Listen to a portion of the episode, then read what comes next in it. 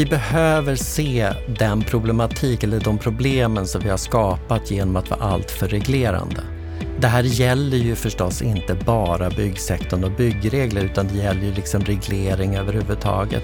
Vi måste se att vi har ett arv som bygger mycket på att vi, vi vill att någon annan ska säga åt oss hur det ska vara. Och det är det som vi måste släppa. Och för att vi ska kunna släppa det så måste politiken se att ja, men vi måste ge utrymme för människor, för kreativitet, för företag att, att kunna testa nya saker, att kunna göra på andra sätt. Kan vi se de problem som regleringar skapat? Är politikerna beredda att ge utrymme för att testa nya saker? Att använda ett område exempelvis som kreativ testbädd eller att se till att släppa kreativiteten och innovationen ännu mer fritt. Mm, Anders Persson på Innovationsföretagen, han menar att byggregler måste bejaka nytänkande. Han vill att politikerna ger ett större ansvar till människor att få vara innovativa eftersom den reglerande utförarkultur vi har idag inte leder framåt. Han tror att det finns en politisk vilja att gå åt det här hållet. Varmt välkommen till Bopolpodden som från och med nu i höst släpper avsnitten med fördjupade samtal på måndagar och veckans Aktuellt, det mest aktuella som har hänt under veckan. Det avsnittet släpper vi på fredagar. Och sist i det här programmet så kommer en repris av veckans Aktuellt från i fredags, om du missade det då. Och jag uppmanar dig att höra det. För i det här programmet så får du höra Lennart Weiss såga Erik Thedéens tal på Fastighetsdagens webbseminarium. Och så lägger han en annan vinkel på Peab och Socialdemokraternas korruptionsskandal i Sigtuna. Han levererar också en överraskande positiv kommentar till ett förslag som Moderaterna har lämnat om nytt studielån. Det kommer alltså sist i det här programmet. Bopolpodden är en del av bostadspolitik.se. Där kan du hitta fler artiklar, nyheter, rapporter om olika bostadspolitiska frågor. Jag som leder den här podden heter Anna Bellman och jag är mycket glad för att just du lyssnar. Så varmt välkommen till ytterligare ett mycket intressant program.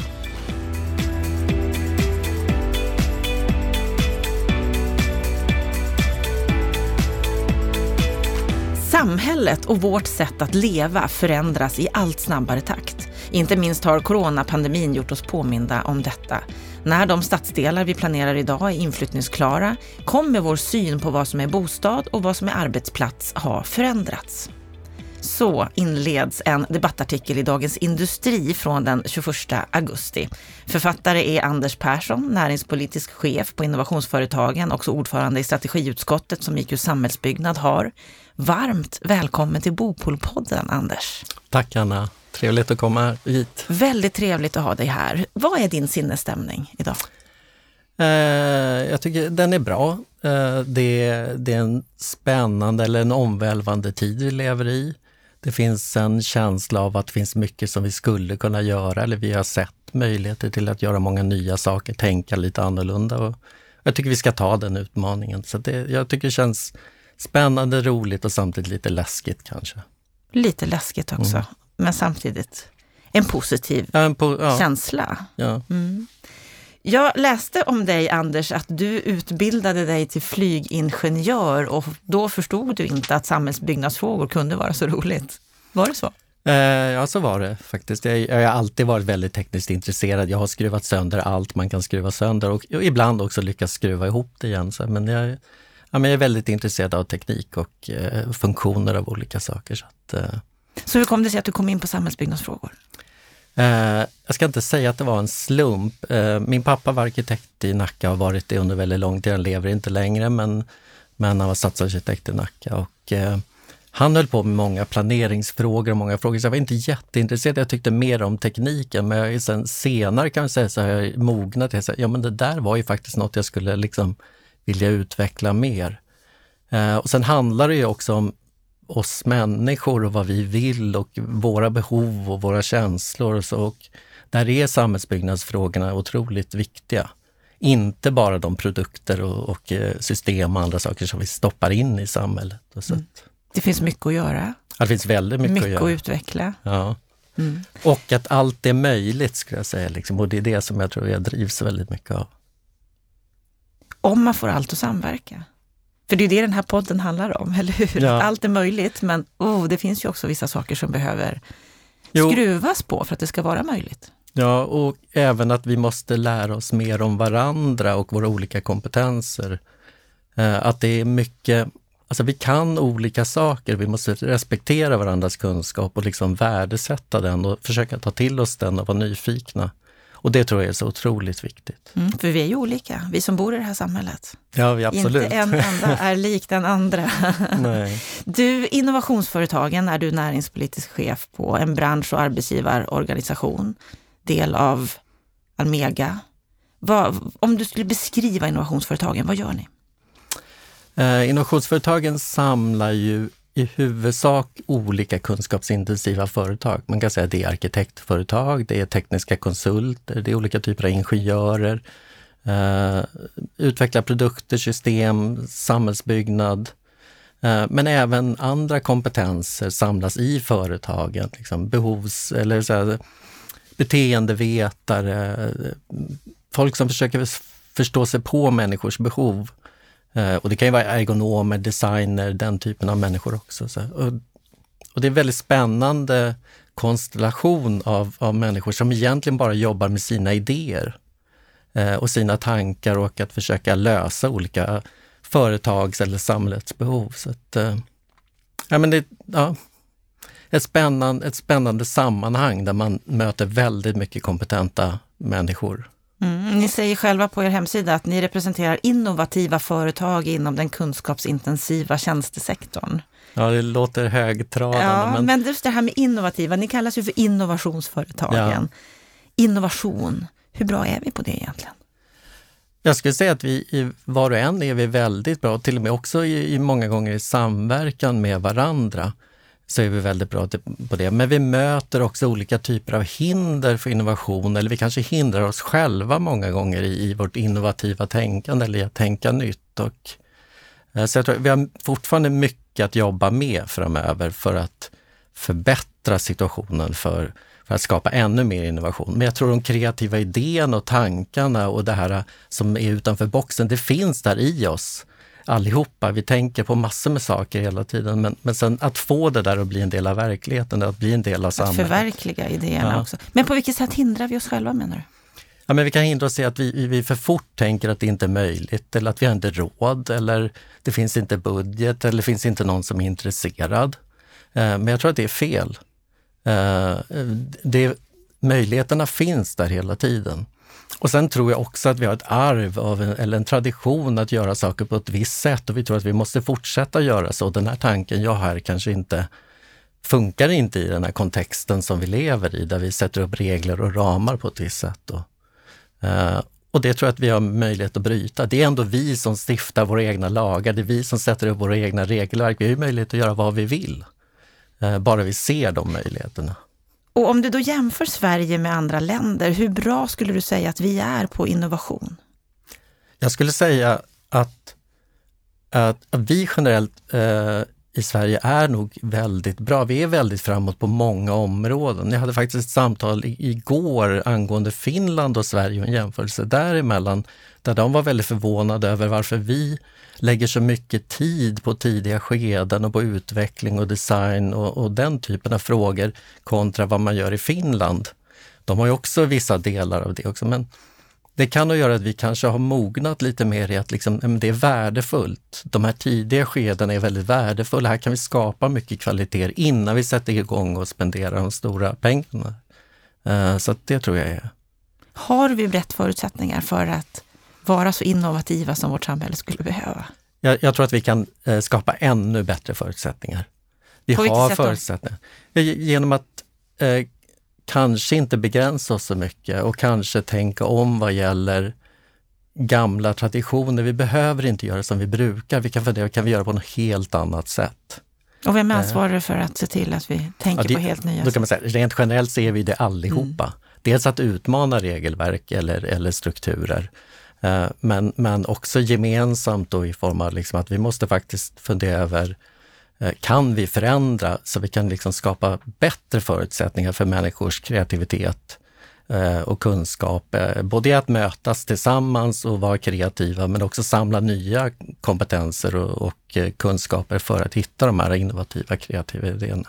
Men då har vi också den här komplexiteten att vi har regelverk. Vi har saker och ting som begränsar oss, som sätter ramar, där vi inte kan alltid tänka utanför boxen för det är inte okej. Okay. Nej, och, och, och då, då, måste vi ta till oss till att de här ramarna vi satt upp själva, och de kanske var rätt då. De kanske, de kanske är rätt nu utifrån sitt specifika perspektiv, men de kanske inte är rätt för helheten. Eh, ibland måste vi göra avväganden och även om vi har beskyddansvärda frågor där vi måste sätta regler, men så här ska man inte, så här ska man inte, eller så här kan man göra, eller så här ska man inte göra. Så, så måste vi liksom hitta förutsättningar för att gå utanför den boxen, för ibland måste man avväga eh, olika viktiga skäl mot varandra. Och det öppnar upp för då att tänka lite friare och inte ha så hårda ramar, utan faktiskt utmana dem eller kanske ifrågasätta dem många gånger. Mm, att inte bara acceptera läget som det är, att det är de här ramarna vi har, utan att, som du säger, ifrågasätta och utmana. Och det gör du, bland annat genom en debattartikel i Dagens Industri här för några dagar sedan. Byggregler måste bejaka nytänkande, mm. heter den debattartikeln. Och bland annat så skrev du den som ett resultat av att innovationsföretagen nyligen har svarat på det tredje sista betänkandet som Kommittén för modernare byggregler har lagt fram. Och just modernare byggregler, det pratade vi om i den här podden i början på året, för då la de fram den och sen har vi haft möjlighet mm. under året här att ge, ge våra synpunkter. Varför har du skrivit en, en debattartikel om det här? Uh, jag tror att, är, att, den här frågan är viktig och jag tror att det är så otroligt lätt och jag har sett också att vi trillar tillbaka till våra egna ramar. Vi säger så här, men nu vill någon göra någonting nytt och så känner vi så, men det där kommer nog inte fungera. Det där kan vara jättesvårt. Eh, vad gör vi då? Men tänk på det här, vi måste skydda den här delen. Tänk om allting blir fel. Tänk om människor drabbas av någonting. Vi, vi har en oro i vår kropp över att saker ska bli dåligt, men man måste komma tillbaka till det människors grundvilja. Vi vill att saker ska bli bra. Alla människor vill göra bra lösningar. Alla vill, vill liksom skapa någonting som har ett högre värde. Och eh, det hjälper inte att detaljreglera eh, för att få de här Eh, de här nya lösningarna eller de andra förhållningssätten. Det är snarare så att det hämmar att detaljreglera. Är det där vi hamnar, att vi detaljreglerar för mycket när det gäller våra byggregler, tycker du? Ja, det, ja absolut är det så. Vi, det, eh, vi detaljerar så mycket så det finns inte något frihetsutrymme kvar att tänka längre. Eh, du kan inte tänka på helheten för du måste lägga så mycket tid på att titta på detaljerna så att du har följt regelverket. Så du tappar helhetsbilden, du tappar hela funktionen, du tappar eh, ändamålet eller, eller produkten eh, som du skapar. Mm, vi ska komma tillbaka ja. till, till just det här. Om, om, om, om vi bara tittar först lite översiktligt, vad, vad tycker ni om det arbete som Modernare byggregler har lagt fram? Eh, generellt sett så, så det mesta som man har tittat på där tycker vi är positivt. Man, man, har tittat på, man har givetvis inte tittat på alla delar, och man kan behöva titta på många saker många gånger till. Eh, men generellt sett så tycker jag att de har försökt att tänka utanför boxen, de har testat på några olika områden eh, och man kan, man kan se också att man försöker öppna upp så att eh, om vi gör det på ett annat sätt, skulle man då kunna hitta en alternativ lösning? Det som har varit problemet tycker jag i det är att när folk då sen har tittat där man har försökt experimentera, så går man in i detaljer och så kritiserar man detaljer och det tycker jag är ett problem. Det här är bara ett försök att försöka öppna upp boxen. Eh, så modernare byggregler, de är på rätt bana, ja, på rätt spår. Ja. Ni bejakar ju också betänkandet, säger, skriv, skriver ja. du här i debattartikeln, ni anser att det är ett steg i rätt riktning. Mm. Är det någonting de har missat, som de har saknat, som ni skulle vilja se mer av? Uh, ja, uh, det, finns, det finns delar som inte finns med där. Det finns delar som de inte har berört. Uh, det finns, om vi tänker oss hela vårt utbildningssystem och hur vi tänker inom utbildning, hur vi ska få människor att tänka fritt. Om man lyssnar lite tillbaka på skolväsendet och tankar kring, kring utbildning har förändrats där vi har gått ifrån att vi ska inte ha faktakunskap och test och prov och, så och se vad folk kan, utan vi ska låta eleverna tänka fritt. Vi har inte lyckats hålla i det hela vägen ut. Eh, vi lyckas inte hålla i det hela vägen ut till vi är ute i näringslivet och vi jobbar i samhället. Eh, vi måste fortsätta att tänka fritt och vi måste utforska och jag tror där skulle man kunna gått lite längre i att, att titta på de delarna. Sen beror det på vad det var i direktivet till utredningen. De har ändå klivit utanför till viss del. Så det, det syftet med din debattartikel är att skapa ytterligare utrymme för innovation? Ja, Eh, att, att vi måste och också skapa en debatt, eh, debatt om det här. För att alla som har rätt som går in och alltså alla som diskuterar en detalj, man kan ha helt rätt att jo, men det här, den här detaljen är viktig, det måste bli så här, den måste fungera den här saken och då är det lika bra att vi talar om hur det ska vara. Så att, så att i sak kan man ha rätt. Men den sakfrågan måste vägas mot andra sakfrågor. Så måste man avväga vad är syftet med den här äh, lokalen vi bygger, eller den här infrastrukturen eller, eller det här samhälls, eh, samhället. Och så måste man väga de kraven mot varandra. Och sen så måste man hitta en helhet som fungerar för alla. Eh, och då blir det så att då får vissa saker ibland ge på foten för att det ger en bättre helhet. Eh, och det finns andra delar här kring då arkitektur och kvalitet och, och, hur vi upplever livskvaliteten i det vi, i våra bostäder, i våra fastigheter eller i våra arbetsmiljöer. Eh, där, där så mycket mer kan skapas om vi tar bort eh, detaljstyrningen, för annars så likformar vi allting eh, på ett sätt som är olyckligt och då, då tar vi inte de här stegen framåt som jag tycker att vi behöver. Det här är jätteintressant. Ni skriver bland annat så här i artikeln, eller du skriver så här i, i din debattartikel, att vi ser en risk att vi även i fortsättningen ägnar mer tid åt att tolka terrängen och hitta en väg som alla kan enas om, än att ägna tid åt att lösa problemet och att skapa allt bättre och mer innovativa lösningar. Mm. Jag tycker det formulerar det ganska väl. Uh, för det är det som är lite dilemmat vi blir hämmade av att vi måste följa regelverk. Vi blir hämmade också av våra alltså hur vi kontrakterar varandra, våra relationer, de olika aktörerna i, i samhällsbyggnadssektorn.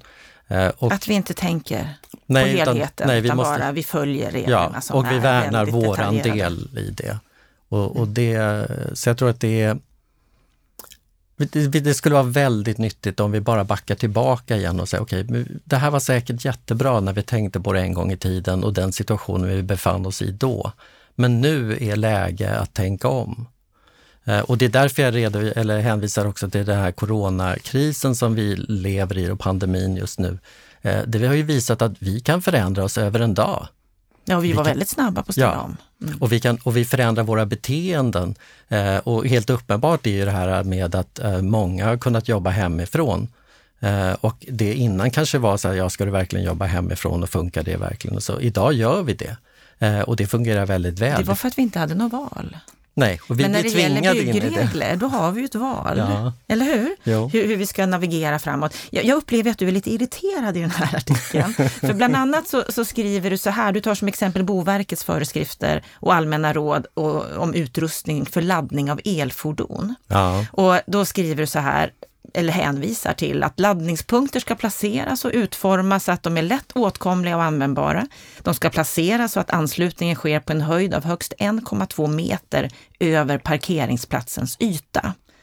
Och sen när du har hänvisat till de här föreskrifterna då, så, så säger du det här att är det inte självklarhet att laddningspunkter ska vara lättåtkomliga och användbara? Är staten tvingad att föreskriva detta? Tror vi att vi kommer att få mängder av oanvändbara laddningsstolpar med anslutningen placerad i höjd med takfoten om vi tar bort paragrafen? Mm. Kan... Är det här ett exempel på när vi blir för detaljerade ja. i jo, våra föreskrifter. Jo, det kan man säga. Nu, eh, irritation kanske inte är min, min huvudgren, men däremot så, så, så jag, jag tycker att vi måste vakna till ibland när vi gör saker. Det finns flera delar här. Dels kan man fundera över, är det staten som ska tala om för oss att 1,2 meter är en lagom höjd? Eller borde vi själva ha talat om det för oss själva?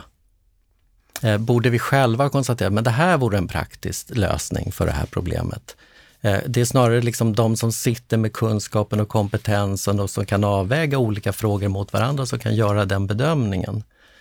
Eh, och i det här fallet då så, så begränsar det ju våra tänkande när vi säger att det ska vara högst 1,2 meter. Vi vet ju inte vilka tekniska lösningar som ska komma eller hur saker ska användas.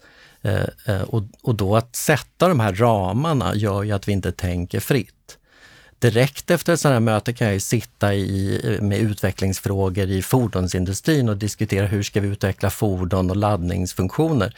Då pratar vi inte om laddstolpar överhuvudtaget eller laddningspunkter. Hur ska vi tänka då när det finns den här typen av regelverk redan införda? Ska vi förhålla oss till det här då och säga jo, det ska tydligen vara laddningsstolpar eller laddpunkter? Du pratar om en innovationskultur kontra en utförarkultur. Ja. Uh, och att det, har vi för, för, för, för många regler, ja. för tydliga, så, så blir vi utförare bara och vi tänker inte. Ja. Är det det du menar? Och det, är det, ja. och, och det kan man säga att det är just den här utförarkulturen. Liksom, Okej, okay, nu måste jag titta i en handbok och se hur man ska göra. Ja, det är viktigt i början när du lär ett yrke. Du kan få exempel. Men det kan finnas många handböcker.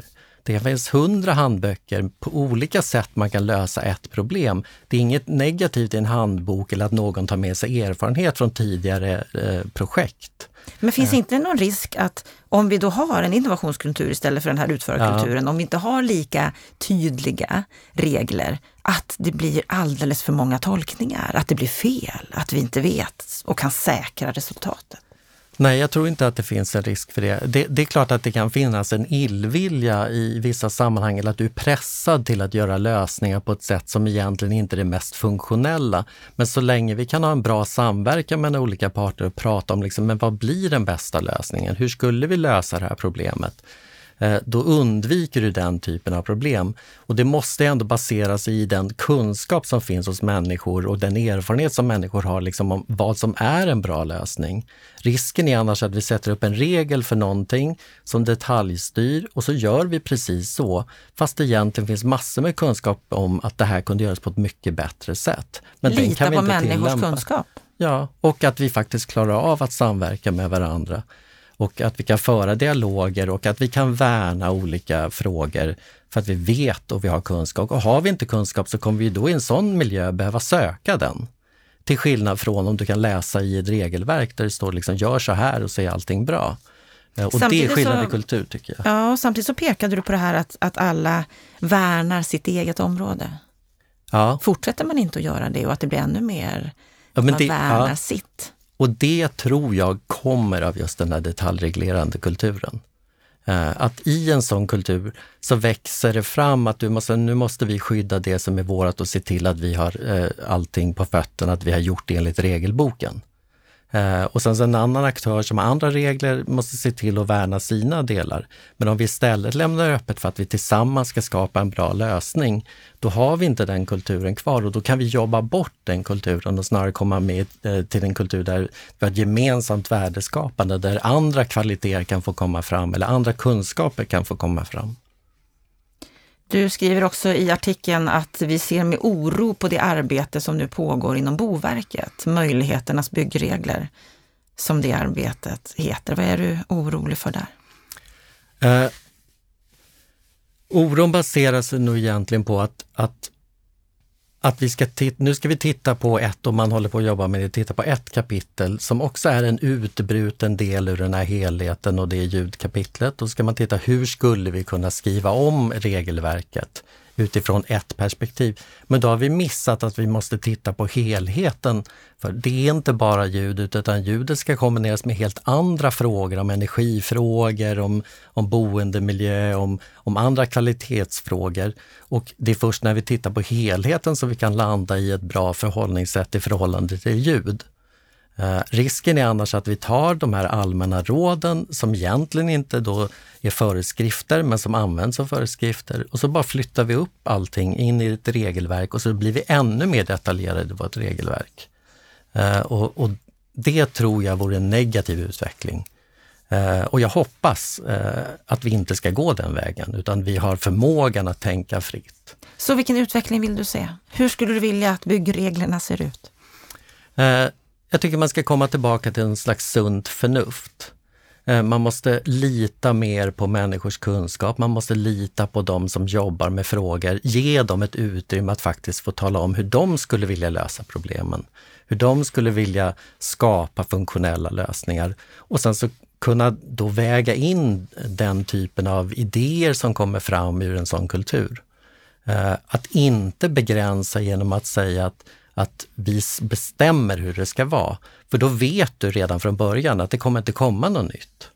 Eh, och det är skillnaden i det här. Och det är som du säger, det blir en slags eh, vi har börjat leva för mycket i en utförarkultur där vi bara utför exakt det som folk säger åt oss att utföra. Och då slutar vi tänka.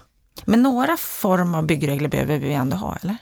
Ja, det, är jag helt övertygad om att vi behöver. Vi behöver någon typ av regelverk som talar om syfte och mål och kanske ambitioner med olika saker. Men det måste också kunna vara ett avvägande. Det behöver inte vara ja och nej. Eh, det behöver inte vara exakt så, utan det kan vara men den här funktionen är bra. Och om du läste den där meningen då som står där om, om det här ladduttaget, så, så det ska ha en god funktion och, och du ska kunna, det ska vara tillgängligt, du ska kunna använda, ja men det räcker. Vi behöver inte mer. Det signalerar bara att, att det ska vara en god... Nu är det självklart för alla att det ska vara en god funktion, för annars är det meningslöst att sätta upp det där, den där laddpunkten. Eh, så att egentligen så är det tenderar till att nästan gå över gränsen att till och med nämna det. Men, men eh, det finns ju också en slags erfarenhet som du kan ta med dig i ett regelverk och säga så här, men vi har provat den här och sen så finns det vissa konstruktionslösningar och säga, men de här måste faktiskt vara väldigt testade och beprövade innan du får använda dem. Och den typen av mer ramverk skulle man kunna ha. Eh, att du då måste visa att en viss konstruktionslösning fungerar och så. Så det du efterlyser egentligen, det är ett ramverk som snarare beskriver syfte och mål och funktion, vad ja. vi vill ha för resultat, inte exakt hur det ska Nej. göras eller se ut. Nej, för varken du eller jag vet vad egentligen hur man möjligt skulle kunna skapa det här. Det finns ju helt andra metoder att göra samma sak och det kommer komma fram helt andra metoder att lösa de här problemen om vi lämnar öppet för den möjligheten. Du är ju näringspolitisk chef. Väldigt mycket av det vi gör i vårt samhälle har ju med pengar att göra. Vi vill ju gärna vara mer effektiva, mer kostnadsmedvetna och få ut mer värde för varje krona. Om vi tittar på ekonomiska termer, skulle vi kunna tjäna pengar på att ha en mer innovationsdriven kultur än en utförarkultur? Vad tror du? Uh, ja, jag skulle inte tänka i de här banorna om det inte var min tro. Men sen kan man fundera på vad är kostnad eller vad, vad är eh, intäkt och över vilket tidsperspektiv pratar vi om? Vi pratar väldigt ofta i den här sektorn om investeringskostnader.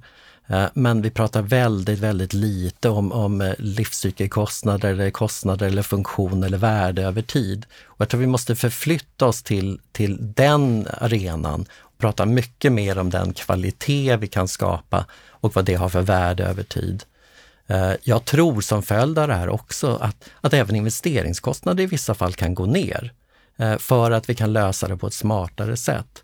Men det viktiga är inte den kostnaden, utan det viktiga är ju liksom vilket värde som skapas över tid under tiden någonting ska användas. Eh, hur funktionell är den här eh, platsen, det här kontoret, det här hemmet?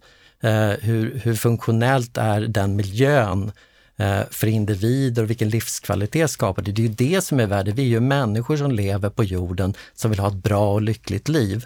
Eh, och det är ju det som är vår grundläggande drivkraft. Vi måste skapa förutsättningar för att liksom uppfylla den typen av, av mål. Det är det vi vill uppnå. Sen blir det massa ekonomiska transaktioner däremellan och vi kommer utmanas av att, att behöva förhålla oss till varandra eh, och skriva avtal med varandra på helt nya sätt. Men jag tror att det är bara nyttigt och här tror jag också att Sverige skulle kunna gå långt före andra länder i att göra det här också. Så, att, så att det är som en paradgren för Sverige tror jag, att, att utveckla det här och sen kunna ta det här tänkandet vidare. Vad krävs för att vi ska komma dit?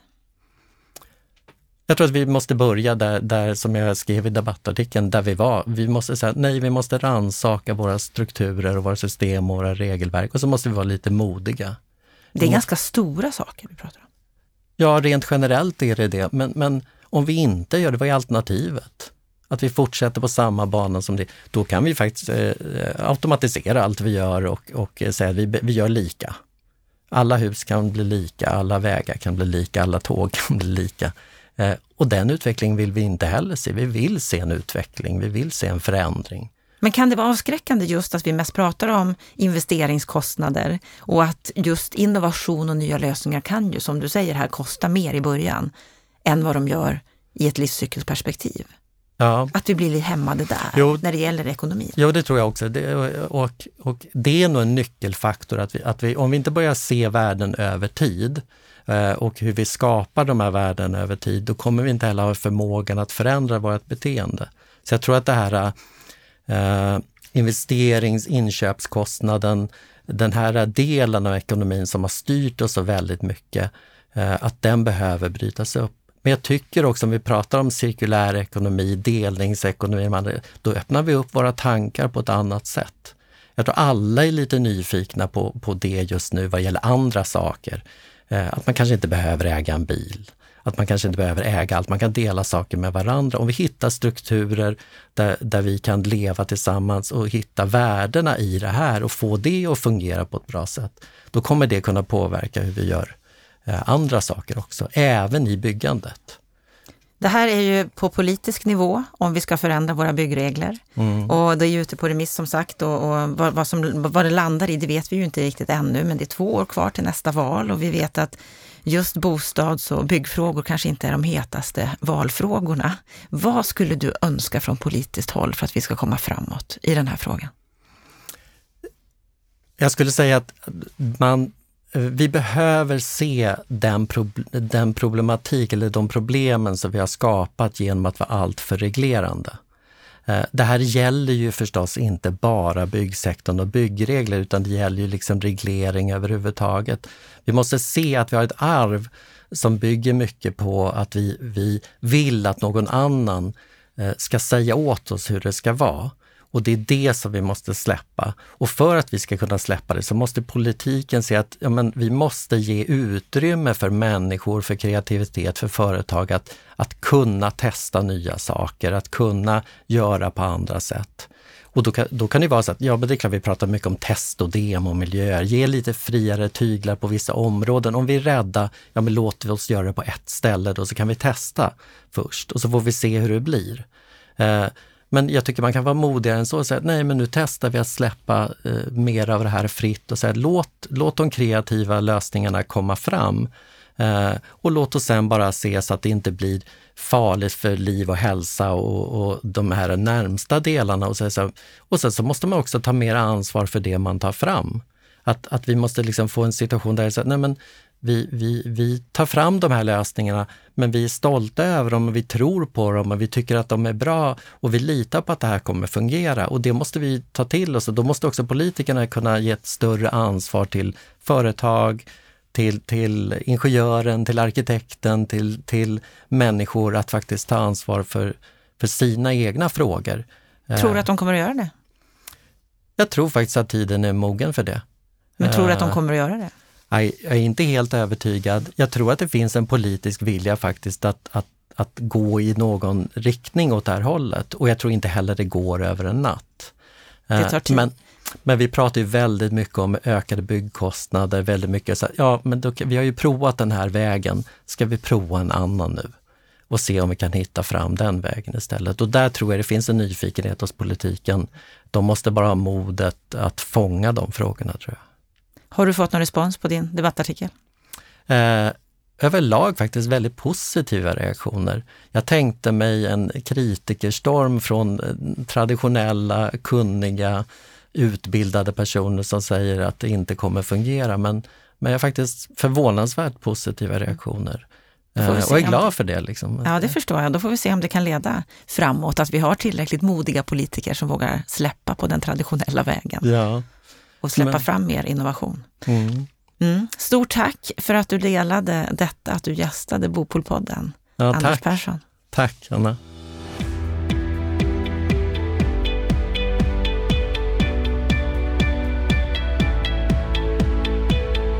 Då har vi hört samtalet med Anders Persson om att byggreglerna måste bejaka nytänkande. Han tror att det finns en politisk vilja att gå åt ett visst håll, att prova en ny väg. Ja, vad säger du Lennart Weiss om det här samtalet? Ja, men för det första så tycker jag att det är lite kul och fräscht att eh, det dyker upp personer i, som är liksom lite vid sidan om den, den, den traditionella branschen. Eh, innovationsföretagen brukar ju inte vara inne i våra frågor, men eh, Anders är ju mer än välkommen in i debatten och jag hoppas att han inte har skrivit sitt sista inlägg. Dessutom tycker jag det verkar vara en väldigt trevlig och reflekterande person, så det var intressant att lyssna. Mm. Jo, men alltså på ett allmänt plan så, vem är emot eh, innovation och, och att det behövs mer innovation i vår bransch, det kan vi ju vara fullständigt eh, säkra på. Jag tycker också att han hade lite små roliga eh, exempel. Och jag vill turnera det här eh, exemplet han tar med laddstolpen på 1,20 för jag har ju faktiskt precis monterat en laddstolpe för elbil eh, på Gotland. Och så tydliga instruktioner fick jag inte av InCharge, men eh, jag funderade, funderade ju lite själv på höjden han har ju rätt i att det blir lite fånigt när man skriver sådär. Å andra sidan så är ju syftet att, att handikappade, rörelsehindrade ska kunna liksom åt, eh, använda en sån här laddplats också och egentligen hade, hade det väl räckt att eh, Boverket hade sagt det så hade väl folk fattat själva kan man ju tänka. Men så kan man ju vända på saken också. Va? Det jag har noterat sen jag själv har en laddhybrid, det är att det inte finns ett sätt att koppla upp den där jävla bilen höll jag på att säga. Va? Utan jag har en enfaskontakt som jag var tvungen att använda när jag kom till Såstaholms eh, konferensanläggning. När jag kom ut till Bullandö, då hade de trefas men inte den sortens trefasuppkoppling som, som InCharge och de andra etablerade företagen har utan då var det gammaldags trefas och det finns varianter på det där också. Va? Så man kan ju säga så här, det är bra att eh, man är innovativ när nya lösningar kommer fram, men det är också irriterande att de inte är standardiserade. Och då kan man säga att då har vi kopplat ihop två element som man måste ha i den här diskussionen. För att å ena sidan vill vi vara innovativa och komma på nya smarta grepp som, som, som eh, leder till ökad produktivitet. Men ökad produktivitet kräver också standardisering och det är jag helt säker på att Anders eh, håller med om för han, han stödjer ju i grunden utredningen eller kommitté, eh, vad heter det, kommittéutlåtandet eh, Modernare byggregler när de säger att vi ska kunna få en, en riksbedömning utav eh, en teknisk lösning och slippa eh, en prövning i alla 290 kommuner. Eh, så det finns ju en målkonflikt här också Eh, jag menar om du tar våran bransch som har ett tryck på sig att leverera billigare lösningar så kan jag säga så här, vi vill ju inte ha 25 trapplösningar, vi vill ha tre så att vi kan producera det här effektivt i fabriken, vi kan packa det på ett effektivt sätt på våra transportfordon och vi kan montera det på ett effektivt sätt ute på sajten.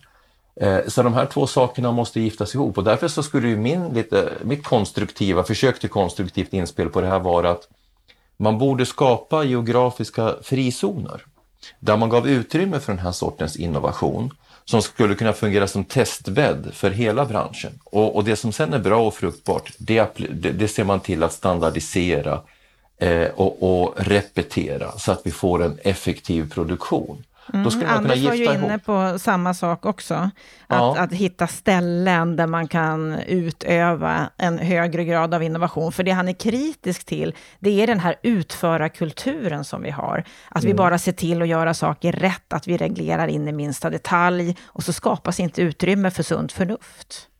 Nej, och det, jag menar, de som jobbar med den mer kreativa delen, eh, i den kreativa änden av den här branschen, arkitekter och projektörer och andra tekniker, de gillar ju den där ansatsen. Men de som jobbar längre bak i värdekedjan och ska sätta ihop grejerna, de vill ju ha jäkligt lite innovation. De vill ha saker som fungerar och är beprövade och, och som man vet vad de levererar för resultat. Så att det gäller liksom att hitta en mix här som gör att det fungerar bra i alla led. Och då är ju undran så här, går det att få fram det här mer politiskt? Finns den här politiska viljan som ju Anders hoppas på?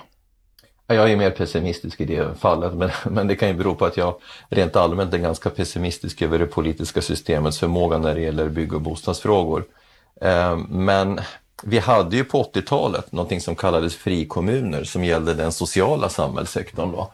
Och det, det, är bara ett par år sedan det fanns ett förslag om att man skulle skapa geografiska frizoner för samhällsbyggnadssektorn. Det drev eh, Sveriges byggindustrier och en del enskilda arkitekter och så. Det föll till marken, även om det, man, man spontant sa i regeringskansliet att det var intressant så ledde det inte till någonting.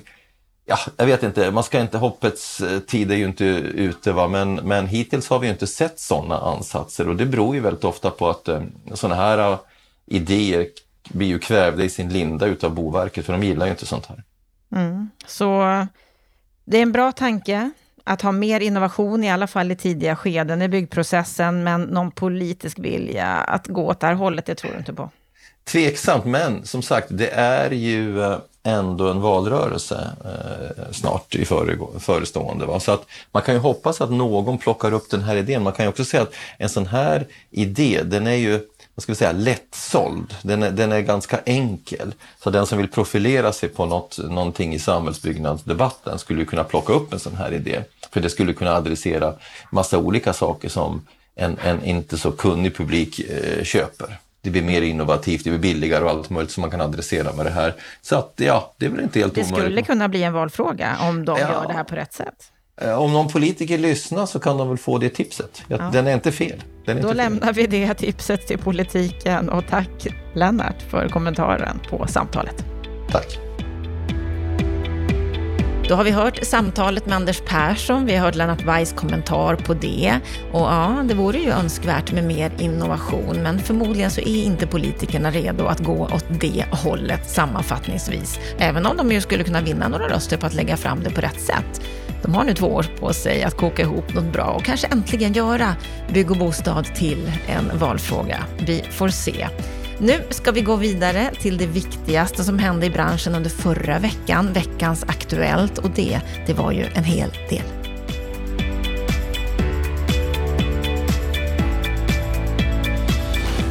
Ja, Lennart, oerhört eh, mycket som har hänt under den här veckan. Om vi börjar med det som skrevs i Svenska Dagbladet häromdagen, att det är svårt att hitta bostad och just det gör att det är färre som nu separerar i Stockholm. Ja, det var ju två artiklar faktiskt. En som belyser att det är svårt att separera och sen var det en, en, ett reportage med en ung man som var frånskild som nu sitter i en andrahandslya och betalar eh, ja, mer än 10 000 kronor i månaden för en andrahandsbostad och, och lever med en oerhörd social trygghet. För oss som är i debatten är ju det här inget nytt. Det här har vi ju vetat länge. Det här är ju så att säga bostadskrisens konkreta sida och du skulle kunna krydda det här med pensionärer som inte kan flytta eller med hemlösa och så vidare och så vidare. Eh, så det är ju ingen okänd situation. Det som ju är bedrövligt i sammanhanget det är ju att politiken inte klarar av att agera och åstadkomma lösningar och sen på det har vi ju våra myndigheter som är både eh, döva och synskadade. De ser ju liksom inte vad som sker och, och det har ju väldigt tydlig koppling till Erik Thedéen som var ute i veckan. Men det kanske vi tar strax. Det här är ju ändå en intressant sak att prata om, för vi pratar ju ofta om att vi har väldigt stor bostadsbrist i storstäderna, samtidigt som vi vet att i Stockholm, det finns en otroligt stor mängd ensamhushåll här. Är det inte där skon klämmer? Jo, det som ju eh, Claudia Wörman på SBAB påpekar, det är att Stockholms bostadsmarknad med de priser vi har, den är ju gjord för par. De som eh, av olika skäl, framförallt när man är yngre, blir singel, har svårt att klara sig. För det är väldigt dyrt att, att vara singel på, på Stockholmsmarknaden. Men, men man ska ha klart för sig att i den här statistiken som du ju då hänvisar till, så är det väldigt mycket äldre hushåll framförallt i innerstan. Eh, jag minns inte exakt statistiken, men jag tror att det är mer än 50 procent i Stockholms innerstad som är singelhushåll. Och det är ju en helt anmärkningsvärd siffra. Men det är ett utslag av den här väldigt individualistiska kulturen som vi har i Sverige sedan lång tid tillbaka. Vi har ju haft en politik som går ut på att man ska kunna klara sig själv. Vi tvingar ju inte in människor i familjebildning eller storfamiljer som i Sydeuropa där det är en kulturell företeelse. Vi har en annan kulturell företeelse. Och eh, det är klart att man skulle aldrig kunna önska sig mer kärlek. Jag tror att det var det temat du ville styra in det på. Men jag tror att det är svårt med ett bostadspolitiskt svar på kärlek. Jag tror i varje fall inte Bolund är rätt man för det. Eh, utan han borde istället vara mannen att fundera på hur singelhushåll ska kunna klara sig på bostadsmarknaden. Och det har han ju inte heller lyckats med. Tittar vi på det här exemplet som du hänvisar till i Svenska Dagbladet, Andreas som ju står utan bostad snart eftersom han bara har en handlandslägenhet. Han behöver låna 100 000 till. Det är fem år sedan han separerade, han har barn det är allvarligt för många. Ja, och det här belyser ju också att Eh, alltså han är hundratusen ifrån att skaffa sig en ändamålsenlig bostad. Han har knappt råd att spara överhuvudtaget därför att hans hushållsekonomi dräneras av höga andrahandshyror. Det vill säga politiken som vi för idag, som kräver både mycket sparande och väldigt höga inkomster, har gjort, tvinga, har pressat ut honom ifrån bostadsmarknaden och har gjort hans livssituation mer sårbar. Det är så de facto ser ut. Hade man haft åtgärder som stöttar hans inträde i den, ska vi säga, relativt sett billigare delen av bostadsmarknaden, hade hans sårbarhet minskat. Men de politiska åtgärderna, de har ökat hans sårbarhet. Men det paradoxala är att myndigheterna beskriver det här så att man har minskat sårbarheten i ekonomin. Så de här två reportagen sätter ju i blixtbelysning hur oerhört irrationell politiken är och hur felaktigt man agerar. Och som du hänvisade till så var ju Erik Thedéen och talade på Fastighetsdagens webbseminarium häromdagen den 1 september. Och eh, han skriv, friskriver sig på ett sätt. Hur, hur, hur, hur då? Ja, alltså, man kan ju välja att analysera det här bostadspolitiskt eller från en annan utgångspunkt. Men om man läser bara lite om retorik så vet man att människor som uttalar sig väldigt generellt och abstrakt, de har väldigt svag faktagrund. Och det är precis så som han gör här också. Han talar svepande om att amorteringskraven har fått en dämpande effekt på bostadspriserna. Det är för det första ingen del av hans uppdrag. Han ska inte lägga sig i bostadspriser överhuvudtaget. Han, han, han, han hävdar att eh, det är ungefär lika många som köper en bostad idag som de senaste fem åren. Ja, men den stora skillnaden inträffade ju när bolånetaket in, eh, infördes och det var ju 2010. Där fick vi en väldigt kraftig minskning. Han pratar svepande om att man inte ska överdriva amorteringskravets betydelse för nybyggnationen därför att eh, den är högre nu än den var för 20 år sedan. Eh, och att omsättningen på bostadsmarknaden är ungefär lika hög. Alltså han försöker i väldigt generella, svepande ordalag säga att, att de här åtgärderna inte har fått någon effekt. Och de har heller inte fått någon större effekt för de svaga. Så att den, den, den nya helt banbrytande nationalekonomiska teorin som Thedéen presenterar, det, det, spelar ingen roll att, att du stryper kreditflödena. Hushållens efterfrågan kommer ändå att eh, vara opåverkad och framförallt de svaga grupperna kommer inte att drabbas. Alltså fundera på, på den logiken, den är helt häpnadsväckande. Överför det på mat. Överför det på bilar, vad som helst. Om du stryper kreditflödet så kommer naturligtvis efterfrågan att påverkas. Och eh, det inser han ju någonstans också, för, för lite senare så säger han, för de som påverkas av kravet, vilket, vilket är långt ifrån alla, så skulle eh, de ju i ett annan situation haft ett, ett mindre lån än, än, om de hade tvingats kliva in på bostadsmarknaden idag. Ja, men då kan vi gå över här till Andreas då och, och par som inte kan flytta ihop. Alltså det Thedéen har gjort är att han har ökat deras oro, ångest, stress i det vardagliga livet därför att de har tvingats ut ur bostadsmarknaden. Och jag vill påpeka igen att om man har liksom kallpräntor på 7% amorteringskrav på 3 då möter alltså ungdomar en, kalk en, en kalkylmässig realränta på mer än 10% Jag undrar hur Thedéens bostadskarriär hade sett ut om han hade mött den situationen. Hade han då bott i sin, i sin fashionabla bostad som han gör idag? Naturligtvis inte. Sen så, sen så är ju hans argumentation rent av falsk eh, på, på, på en, en, avgörande punkt. Han säger så här, det byggs mer eh, än idag än för 10-20 år sedan. Den ökade, sen, den, sen, den ökade byggtakten, eh, sen ökade byggtakten trendmässigt under en utdragen högkonjunktur fram till ett par, för ett par år sedan. Den trenden bröts när högkonjunkturen mattades av. Det är fullständigt nonsens. Det som gjorde att högkonjunkturen mattades av, det var att byggkonjunkturen bröts. Och det var en följd av de aggregerade effekterna av kreditrestriktionerna.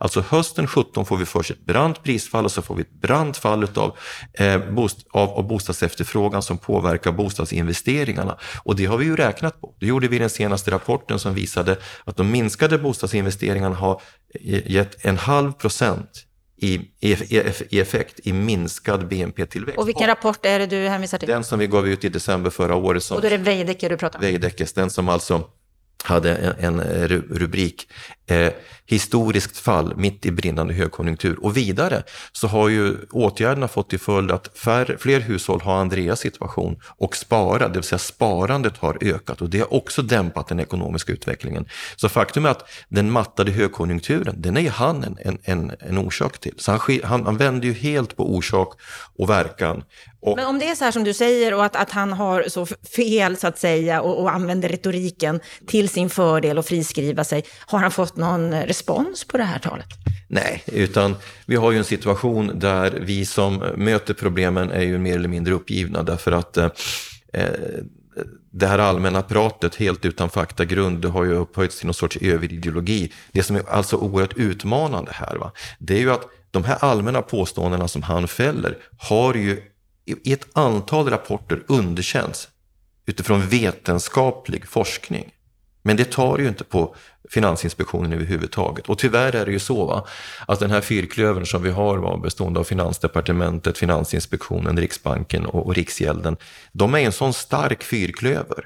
De har, en sån, de, de har skapat ett paradigm, ett åsiktsmässigt paradigm som gör att politikerna inte orkar tränga igenom det. De har inte Men vad har de för agenda? Varför gör de det här? Ja, därför att de sitter fast i en egen verklighetsbild. Agendan är att många av de här människorna var med om 90-talskrisen och den var all allvarlig.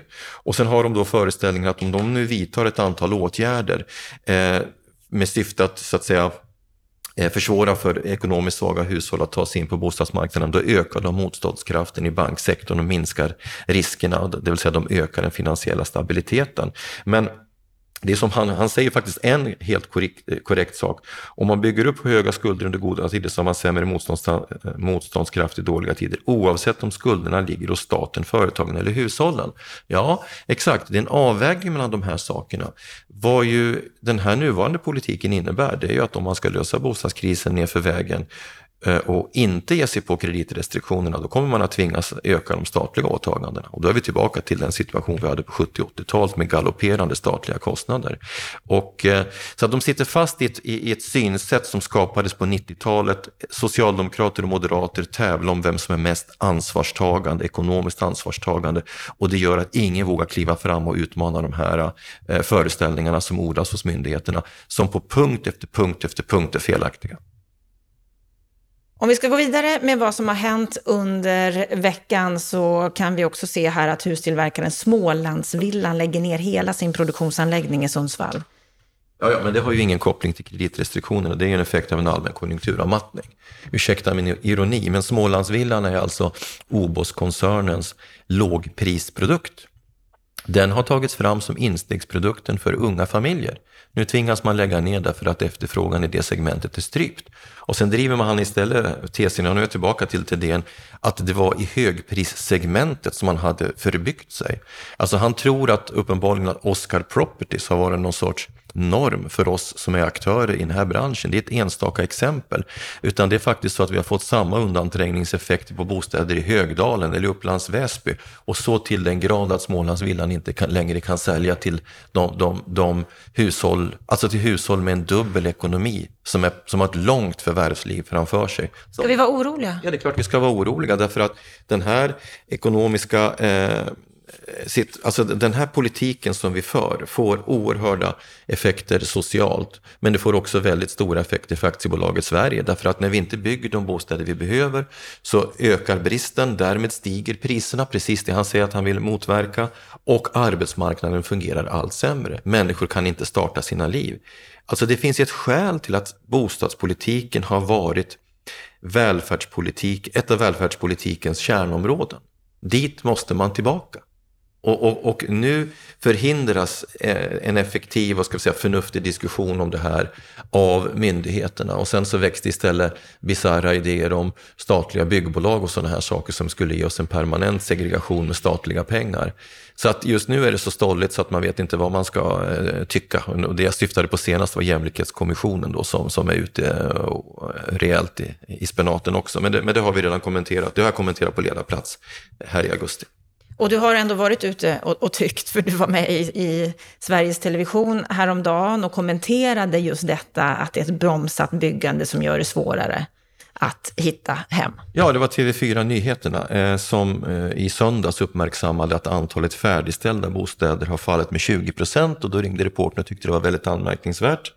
Men då sa jag att dramatiken i det inträffade alltså för två år sedan. Det var alltså när antalet påbörjade bostäder minskade. Och för att repetera de siffrorna så har alltså antalet påbörjade bostäder sett på hela riket minskat med nästan 30 procent och i Stockholmsregionen med 50 procent. Alltså känn på de siffrorna. Eh, eh, och då, då, är det naturligtvis så att eftersom ett bostadsprojekt har 68 kvartal att färdigställa, då kommer ju till slut antalet färdigställda att minska. Så den avmattning vi har sett, den kommer att tillta. Vi kommer ja. att, ja, du, du, du målar upp en väldigt svart bild även i din kommentar här i, i, i TV4-nyheterna. Och du menar att det här kommer att fördjupas ytterligare, bostadsbristen? Ja, alltså för det första så kommer ju som en följd av att antalet påbörjade minskade så kommer ju minskningen av färdigställda att, att, att fortsätta en bit ner till, ett antal procentenheter. Sen är frågan vad som händer på bostadsmarknaden i stort.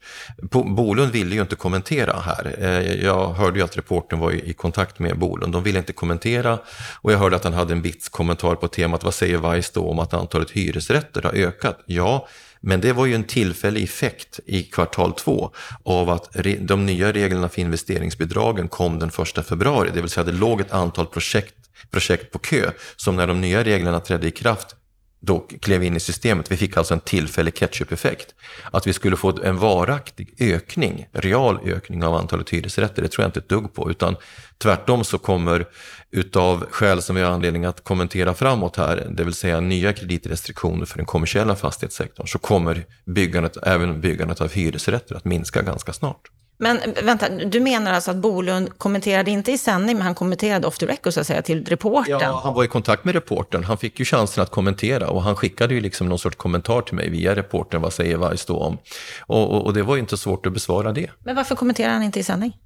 Han vill inte ställa upp därför att eh, han vet att han har en svag position. Han har ju hela tiden försvarat eh, de här politiska åtgärderna Eh, han är ju trängd av att byggandet har minskat så mycket som, de, som det har gjort. Han har försökt friskriva sig med att eh, man har eh, fortsatt med investeringsbidragen. Men, men, och det, de har minskat fallet. Men faktum är att byggandet av hyresrätter har också minskat sen topp. Om vi går vidare här i veckans Aktuellt, det blir ett långt program idag för det har hänt så otroligt mycket.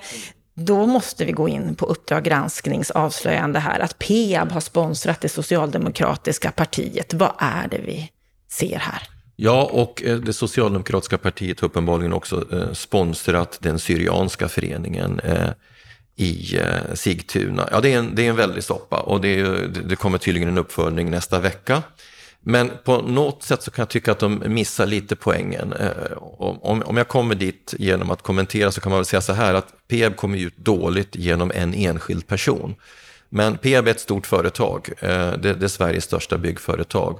Och det är väl som det är i, i, i växtriket, i en stor fruktkorg kan det finnas ett ruttet äpple, det säger liksom ingenting om fruktkorgen. Peabs ledning har en, iakttar en mycket hög etik, eh, att, att de på något vis skulle backa upp det här beteendet, det tror jag inte ett dugg på. Så att någon sorts systemproblem pekar det inte på. Det gör det faktiskt inte när det gäller det socialdemokratiska partiet heller, utan det är en enskild person här som tyvärr har en historia av, av eh, mindre genomtänkta, eh, ska säga, aktiviteter av olika slag. Jag känner ju Så det är lokal korruption vi pratar om? Ja, det kan man säga. Men det finns en problematik i det här som jag tycker man ska uppmärksamma. För det första så, så eftersom jag har varit med i branschen länge kan jag säga att det var värre förr på det här temat. Att man gick till, på, till Stadshotellet, politiker, näringsliv och gjorde upp om markanvisningar. Det är liksom välkänt att man i socialdemokratiska kommuner tilldelade att där ska Konsum ha en köplåda, där ska eh, ICA ha den, där ska HSB bygga, där ska Riksbyggen bygga, där ska kommunala bolaget bygga och så några eh, privata. Alltså den här typen av närmast korporativistiskt beteende hade vi förr och det har dessbättre upphört. Så att det var det är bättre idag än förr. Men det, på en punkt så har det kommit in något nytt som vi är lite naiva inför. Och det är de här större minoritetsgruppernas eh, oerhört effektiva förmåga att eh, nästla sig in i det politiska men också kommersiella systemet. Och här, här menar du syrianska? Här menar jag syrianerna. Här, här, har du alltså en historia av att den syrianska eh, föreningen där ute vill bygga en, en kyrka. Och eh, för att kunna ha råd med det så, så eh, måste kommunen ge bort marken gratis. Hur ska kommunen finansiera det? Jo, de, ber, de ger en massa byggrätter till Peab som både sponsrar eh, kyrkan Eh, och, tillbyggnader runt den och Syrianska Valstas eh, fotbollsklubb.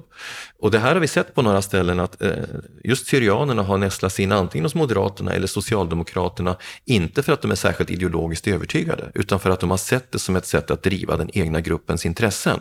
Och det här ska vi vara uppmärksamma på, för idag är partisystemet mycket svagare än förut. Det går alltså att kuppas in på det här sättet. Och här har då några, en lokalpolitiker sett en chans att sko sig på det här, men han har gjort sig själv, partiet, PA, studenterna, lokalsamhället, medborgarna, skattebetalarna och även syrianerna en jävla otjänst. Eh, det är bra att det här reportaget görs, men jag hoppas att man kommer att uppmärksamma rätt sak. Uppföljning på tisdag, får vi se vad de uppmärksammar då.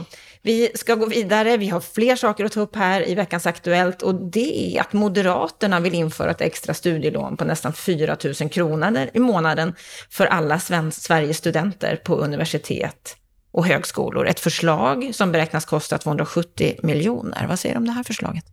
Ja, alltså jag måste kommentera det med viss munterhet, för att jag tror att en före detta kollega till mig har varit inblandad och jobbat med det här förslaget.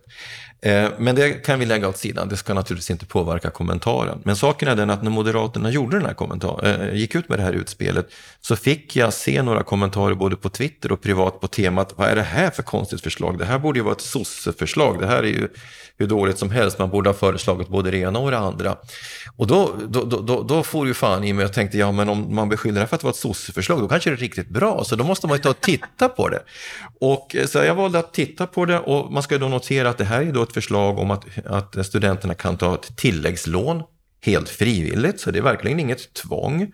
Syftet är att möta en problematik som är reell. Vi har alltså bostadsbrist, det vet vi, i, i 18 utav 33 studentstäder eh, eh, och när det gäller de största städerna så är det så att 40 procent utav studenterna kan alltså inte ta sig in på bostadsmarknaden, de kan inte få en studentbostad eh, under den första terminen. Tänk på den siffran, 40 procent. Det är att man flyttar till en bostadsort och ska studera och kommer inte in på bostadsmarknaden. Det är det perspektivet man ska se det här och då tycker jag faktiskt inte att det är så dumt tänkt. Jag gick alltså in på SSCOs hemsida igår kväll det ligger en lägenhet ute där just nu på 22 kvadrat. 22 kvadrat för 6 800 i hyra. Då räknar man ju snabbt på det här, vad är det för kvadratmeter hyra per år? Det är 3721. Det är hårresande dyrt för de här 22. Eh, Då är den nyproducerad. Ja, och 259 ködagar. Så att det är ju ingen tvekan om att det här förslaget sitter ihop med ett reellt problem. Och, och, och om du då tänker att en student, vad är studiebidraget och lånet? Det är ungefär 10 000 någonting, lite drygt i månaden. Om du då ska betala 6 och 8 i hyra, då blir det inte mycket kvar att gå, på, på, på, studentnationen och ha lite livebands också. Va? Så att man kan se det i det perspektivet att det här tilläggslånet gör det möjligt att, att eh, faktiskt efterfråga nyproducerade studentbostäder eller annan nyproduktion och ta sig in på bostadsmarknaden. eller gör det möjligt att ha väldigt höga hyror i nyproducerade studentbostäder? Ja, men det är ju visst. Eh, alltså, eh, det är ju så här att just när det gäller Stockholmsstudenter och det här deras nya projekt på Lappkärrsberget i Stockholm så har de ju byggt det utan investeringsstöd. Det är också intressant. Varför har de gjort det? Jo, därför att investeringsstödet gör, hade de tagit det och så att säga accepterat en lägre hyra, då hade fastighetsvärdet minskat. Så det har vi återigen ett bevis på att investeringsstödet fungerar inte riktigt där det verkligen behövs.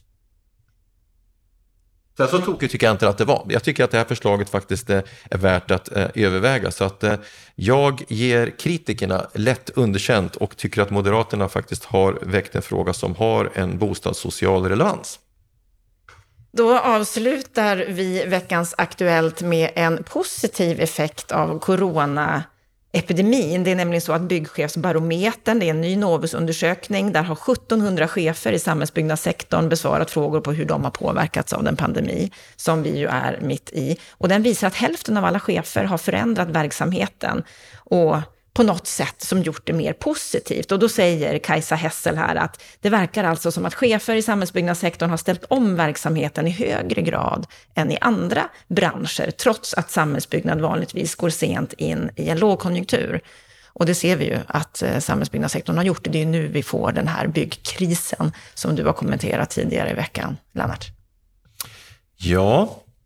Ehm... Kort kommentar bara. Ja, nej, men hon beskriver ju precis eh, situationen som den är. Alltså den här byggkrisen, helt kort. Vem tror att vi kommer bygga hotell, kontor och köpcentra de närmaste åren? Om vi dessutom får ett fall i bostadsbyggandet, då blir det problematiskt. Så jag kan intyga att vi som sitter i branschen, vi kliar oss i huvudet just nu. Stort tack för den här veckan. Mycket som har hänt, mycket att kommentera, mycket att följa upp kommande veckor. Det var allt från oss på Bopolpodden den här veckan. Nästa vecka får du träffa Marie Telander Dellhag som är VD för Malmös allmännyttiga bostadsbolag MKB. Hon uppmanar till ett miljonprogram 2.0 där hon menar att om stat och kommun tar kostnaden för mark och exploatering, då skulle priset på nybyggda bostäder sänkas avsevärt. Fler skulle ha råd att bo. Hur får hon ihop kalkylen för det? Ja, det ska du få höra nästa vecka. Till dess så hoppas jag att du får ha det riktigt, riktigt bra. Hej!